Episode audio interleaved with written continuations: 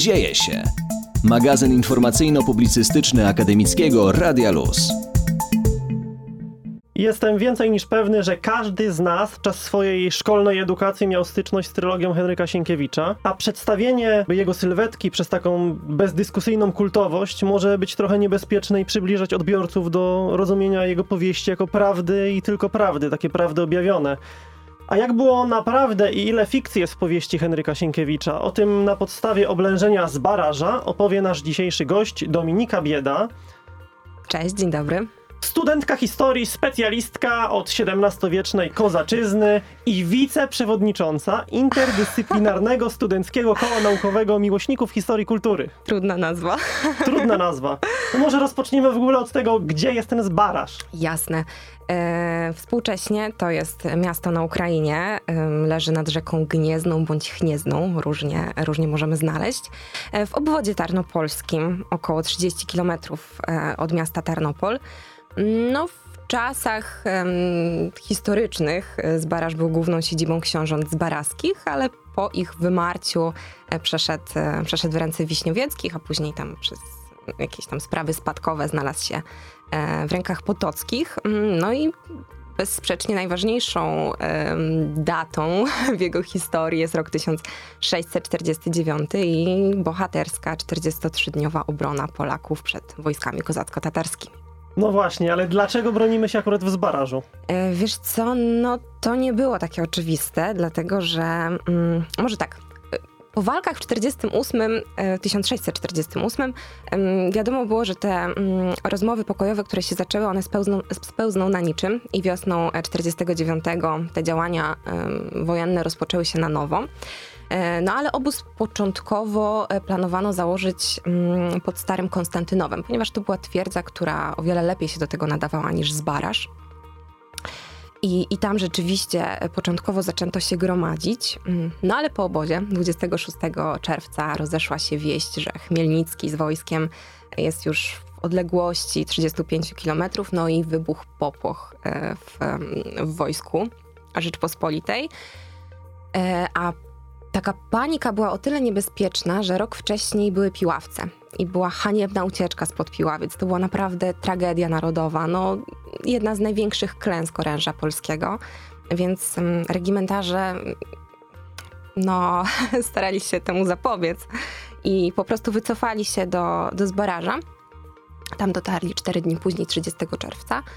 E, ale już całkowicie wojsko zostało jakby uspokojone ze sprawą wjazdu e, Wiśniowieckiego z jego prywatnymi wojskami 9 mm, lipca. Mm, no bo Jeremi Wiśniowiecki w przeciwieństwie do e, regimentarzy miał posłuch, był szanowany i po prostu był takim dobrym duchem tego wojska. Oni naprawdę pod jego komendą chcieli walczyć i, e, i czuli się no, użyję tego słowa bezpiecznie, na ile bezpiecznie w czasie wojny można no się właśnie, czuć. Czy to jest bezpieczne poczucie? No właśnie. Więc on rzeczywiście uspokoił te nastroje i tą panikę, która gdzieś tam się zaczynała szerzyć. No i przede wszystkim zahamował dezercję. Dezercja w tamtym czasie była, była dość sporym problemem. No właśnie, 9 lipca wjechał, a a dzień później, już 10, e, na horyzoncie pojawił się 30-tysięczny rekonesans tatarski. Doszło do pierwszej nie bitwy, ale potyczki. I, I Tatarzy po prostu zostali odrzuceni, musieli się wycofać. No i wieczorem e, Jeremi Wiśniowiecki wydał ucztę na zamku. Ona też jest zresztą u Sienkiewicza opisana. E, no i tam wygłosił takie płomienne przemówienie, które rozbudzało ducha walki. I e, nie wiem, czy kojarzysz, jest taki fantastyczny dialog pomiędzy Chmielnickim a Islam Girejem III u Sienkiewicza. Uh mhm. -huh. I tam no, Han jest zaskoczony, co to za y, przyjęcie. Więc Chmielnicki mu tłumaczy, że to książę Jarema ucztuje, ale to jutrzejsze trupy dziś ucztują. I Islam ym, wypowiada takie słowa, tutaj jest cytat. Lew jest w sercu tego Giaura i po chwili milczenia dodał, wolałbym z, nim, z nim stać niż z tobą. I to fajnie e, pokazuje, jaki Han miał w ogóle stosunek do Chmielnickiego i do całej kozaczyzny, mm, bo wiesz, on nie wspierał tego powstania z jakichś tam pobudek ideowych, po prostu Islam III Girej w powstaniu widział szansę na przywrócenie równowagi sił mm, pomiędzy Rzeczpospolitą Obojga Narodów a państwem moskiewskim, która w jego opinii została zaburzona przez zwycięstwa poczynając od Stefana Batorego, Zygmunta III na Mhm. Władysławie IV e, kończąc. Y, I tutaj jeszcze, wiem, że to nudne, ale dla nas historyków jest to istotne, e, bo chodzi mi o liczebność wojsk. E, Sienkiewicz podaje, że mm, wraz z sługami obozowymi szacuje na 15 tysięcy ludzi. I co dla niektórych może być zaskoczeniem, dla mnie na przykład było, jak wgryzałam się w ten temat po raz pierwszy, że e, współcześnie faktycznie te, te rachunki uznajemy za bliskie prawdy. Mm, Historycy szacują, że takiego regularnego wojska było 9 tysięcy, e, plus tam uzupełnionych czaladziom, no to wychodzi 15-16 tysięcy. Natomiast e, totalnie nie jesteśmy w stanie powiedzieć, jak to wyglądało z drugiej strony i ile, ile y, wynosiła ta mm, połączona armia kozacko-tatarska. Słuchaj, możemy mieć takie horrendalne liczby, jak nawet 300 tysięcy spotkać w historiografii. Co prawda w tej starszej niż, niż w tej współczesnej, ale jednak takie liczby występują. No i to jest ciężka kwestia, bo no nie wiem, tak z 70 tysięcy tych kozaków było, plus, plus ci Tatarzy, no to może być 100, 120, 150, no więcej jak 150 na pewno nie. 150 to już jest dużo, ale, ale no gdzieś koło tych liczb właśnie, właśnie e, się obracamy. Sam Sienkiewicz nie podaje nam, e, ile, mm, ile ci, ci kozacy i Tatarzy mieli, ale podaje takie sformułowania i tu znów cytat. Garść przeciw krociom czy wyspa przeciw morzu i to dość jasno nam obrazowo różnicę pokazuje między walczącymi. Zgodnie z zapowiedzią kontynuujemy rozmowę z Dominiką Biedą na temat rzeczywistości źródłowej i fikcji literackiej w twórczości Henryka Sienkiewicza. No i najważniejsze pytanie konkretne. Jak to naprawdę było z tą trylogią? Ile tam jest w Mhm. ogóle prawdy, a ile wyobraźni autora? Jasne, no to tutaj już na wstępie może rozwieję tajemnicę, że faktycznie ten zbarasz jest opisany dość dokładnie, jeżeli o, historię, o historiografię chodzi, a to dlatego, że Sienkiewicz pisząc pisząc tą pierwszą część trylogii Ogniem i, i Mieczem, em, czerpał z Ludwika Kubali. Więc no, no jak na tamte czasy to jest dość dobra wiedza. E, Okej, no to zaczęło się oblężenie. E, regularne szturmy zaczęły się je- 11 lipca. Ten pierwszy szturm generalny przeprowadzono 9, dzie- em, przepraszam, o, 13. E, No i zdaniem Sienkiewicza największy atak e, miejsce miał 19 lipca.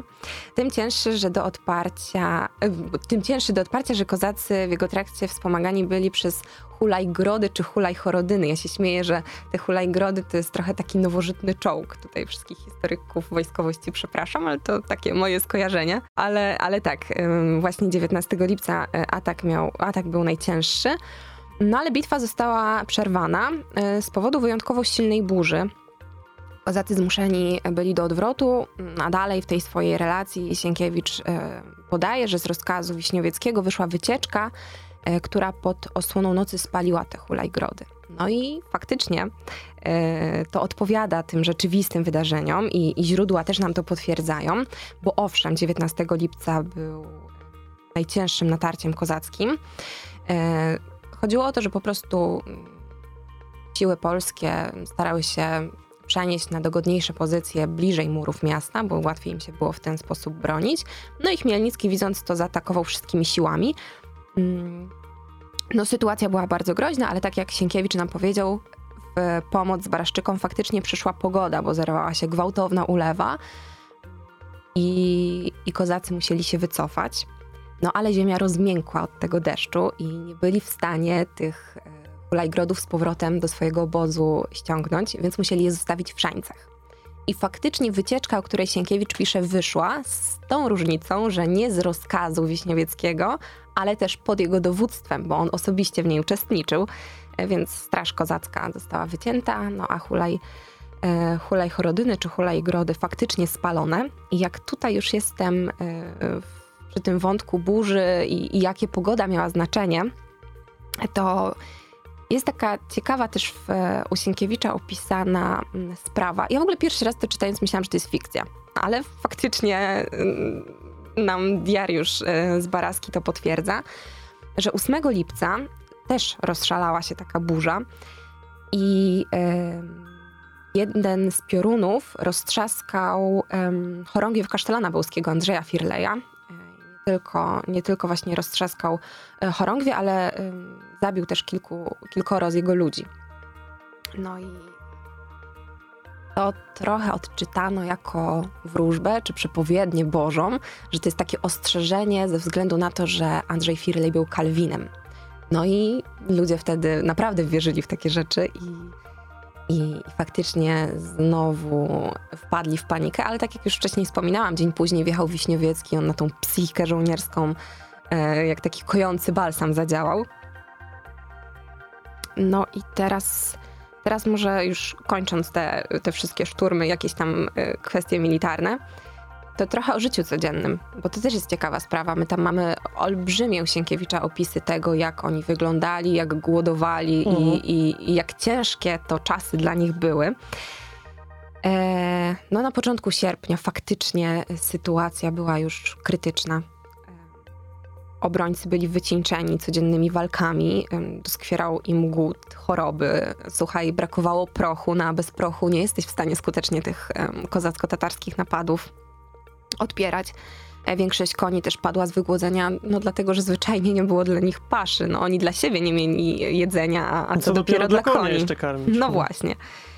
E, no i tak mm, podkopująco Działało na nich też otoczenie, dlatego że w powietrzu unosił się naprawdę nieznośny fetor rozkładających się zwłok, dlatego że oni nie mieli czasu nawet pochować poległych. E, no problemem też był dostęp do wody pitnej, dlatego że, tak jak już mówiłam, przez Zbaraż przepływa rzeka. Są też dwa stawy, Bazarzyniecki i, i Zbaraski, e, ale tam nie było wody zdatnej do picia, dlatego że kozacy tam wrzucali po prostu trupy i skutecznie tą wodę zatruwali. No, pomimo tych wszystkich trudności oni trzymali się dzielnie. Jeremi Wiśniowiecki faktycznie no, no był takim spoiwem y, i, i był opoką całego wojska. No zresztą naprawdę Sienkiewicz z niego to zrobił takiego trochę bohatera narodowego, tam tak go tak, tak go opisał jak jakiegoś po prostu świętego. No Jeremi wcale taki święty nie był, można no, ma swoje za uszami, można, można go lubić lub nie. Ja też całą tą krytykę historyków w jego stronę rozumiem, ale bezsprzecznie no, był doskonałym wodzem yy, i trzymał, trzymał tych żołnierzy jakoś w ryzach. No ale fakt, tak jak mówiłam, sytuacja była ciężka i, no i zdawali sobie sprawę, że muszą do króla yy, przedostać się z informacją, jak ich yy, sytuacja jest ciężka, bo Wyobraź sobie, że Jan Kazimierz, i to, to jest w książce i to jest też zgodne z historiografią, nie miał zielonego pojęcia, że Tatarzy Hana wspierają, Tatarzy, znaczy Tatarzy wspierają Chmielnickiego. Um, I jest e, taki dialog, jak już Skrzetuski, literacki Jan, a historyczny Mikołaju, to jest prawdziwa postać. E, przedostał się, to kanclerz Osoliński jest taki zdziwiony i mówi, jak żeście mogli wytrzymać. No właśnie, czy król tak naprawdę nie miał pojęcia, że Han był? No, wydaje się, że jakieś, tu już mówię o historiografii, wydaje się, że jakieś pogłoski tam o Ordzie miał, ale nie uważał, że są to jakieś znaczne siły. Mm, sam król uważał, że gdyby ilość Tatarów była znacząca, no to ich obecność byłaby widoczna w całym województwie ruskim. Mm, Natomiast informację, że Hans Chmielnicki ma oblega Zbaraż, on całkowicie zbagatelizował. Mm, no a kiedy Skrzetuski już tam przybył i powiedział mu, jak sytuacja wygląda, no to niby te, te, takie plotki rozpuszczono wśród wojska, że, że sam Skrzetuski mówi, że mm, tej ordy to tam jest kilka tysięcy tylko i nie ma się czym przejmować. No to jest, to jest oczywiście nieprawda, dlatego że Skrzetuski w momencie wyjścia już doskonale wiedział, yy, jak ta sytuacja wygląda. Tym bardziej, że on przedzierając się e, spędził w tym obozie kozacko-tatarskim kilka dni. A to dlatego, że on doskonale znał obyczaje, mowę ruską, E, był też, no, jak pokazuje historia, dość skutecznie przebrany. Więc doskonale orientował się w e, sytuacji. No ale znowu, te plotki puszczono dlatego, żeby wojsko nie wpadło w popłoch.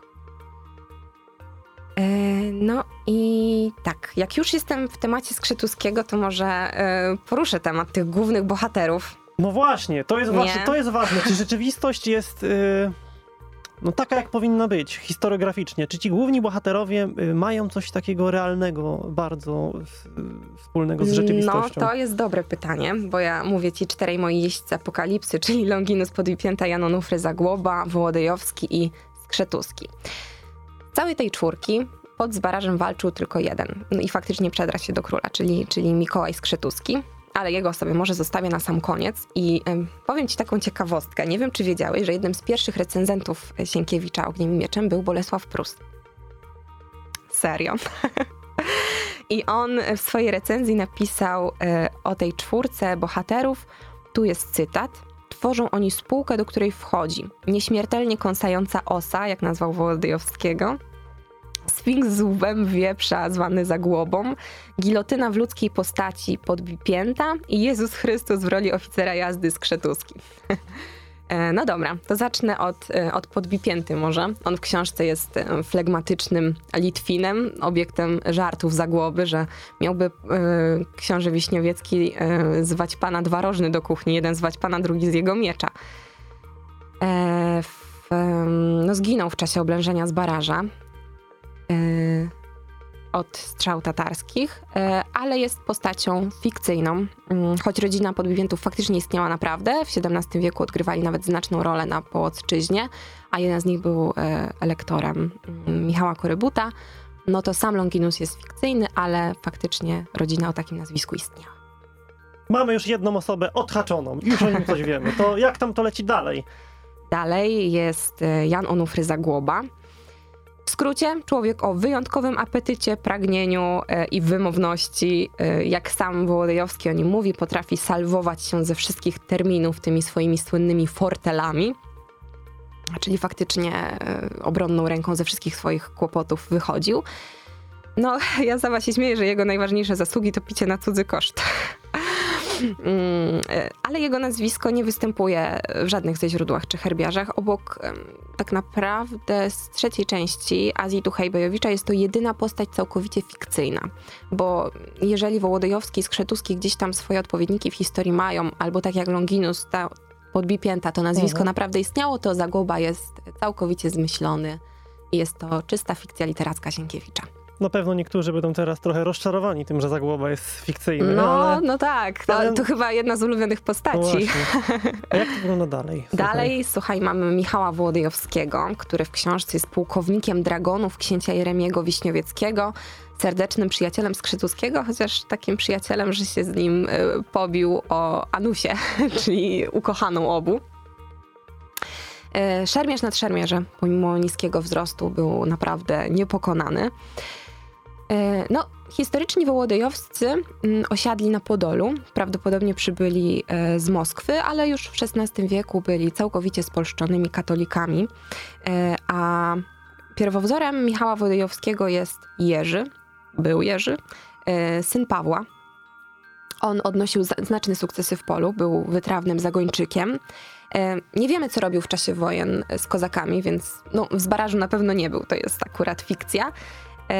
E, ale jeżeli chodzi o tą trzecią część, to on faktycznie, faktycznie był w Kamieńcu mm, i, i dzięki protekcji Sobieskiego tam został rotmistrzem w twierdzy kamienieckiej. Był jej faktycznym dowódcą e, i faktycznie zginął w Kamieńcu Podolskim, tylko że nie w takich e, chwalebnych okolicznościach, jak to opisał Skrzytu, y, Sienkiewicz, już mi się mylą nazwiska, jak to opisał Sienkiewicz, e, tylko po prostu jak twierdza została wysadzona, to on dostał odłamkiem w głowę i padł na miejscu. No i Jan Skrzytuski, e, historyczny Mikołaj, jest głównym bohaterem. Namiestnik, później porucznik chorągwi pancernej księcia Wiśniowieckiego. E, ofiarnie walczył w obronie z baraża, no i pomimo śmierci podbipięty, bo podbipięta wyszedł jako pierwszy, on jako drugi, e, to, to przedziera się do króla polskiego. E, tak jak już wspomniałam, historyczny yy, yy, Skrzetuski miał na imię Mikołaj i wcale takim wzorem cnót rycerskich, jak to opisuje Sienkiewicz, nie był, bo był to warchoł, pijak i zabijaka, choć niewątpliwie bardzo odważny. Ale tu na usprawiedliwienie Sienkiewicza mogę powiedzieć, że po prostu wtedy stan badań uniemożliwiał e, sprawdzenie prawdziwej tej postaci. No tak, jeżeli chodzi o to, jaką rolę w Zbarażu pełnił przed tym, e, jak się wydostał, no to dowodził e, chorągwią e, Marka Gdeszyńskiego, chociaż to Marek Gdeszy- Gdeszyński był jej rzeczywistym dowódcą, no to to, to nie był, bo był przy królu, więc jego obowiązki spełniał Skrzetuski. Mm, Co ciekawe, przed nim wyszło ośmiu wysłanników i ani jeden nie dotarł do króla. Skrzetuskiemu jako pierwszemu się udało, więc wiesz, to też świadczy o takiej jego odwadze, że pomimo tego, że, że wiedział, że no nikomu innemu się nie udało, to, No to miał chłop odwagę, nie? Wyjść, e, wyjść do, do tego wroga. Po nim też wyszedł jeszcze Krzysztof Stapkowski i trochę tutaj był, był spór e, historyków, komu pierwszemu się udało, no ale bezsprzecznie pierwszemu udało się Skrzetuskiemu. Dobra, to wiemy na pewno już arcydużo. Tego jestem pewien, że wszyscy nasi słuchacze dos- doznali na pewno mm, wyjaśnienia sytuacji zbarażowej i za tą y, zbarażową y, rozmowę bardzo Ci dzisiaj dziękuję i mam nadzieję do usłyszenia. Też mam taką nadzieję. Dziękuję Ci serdecznie.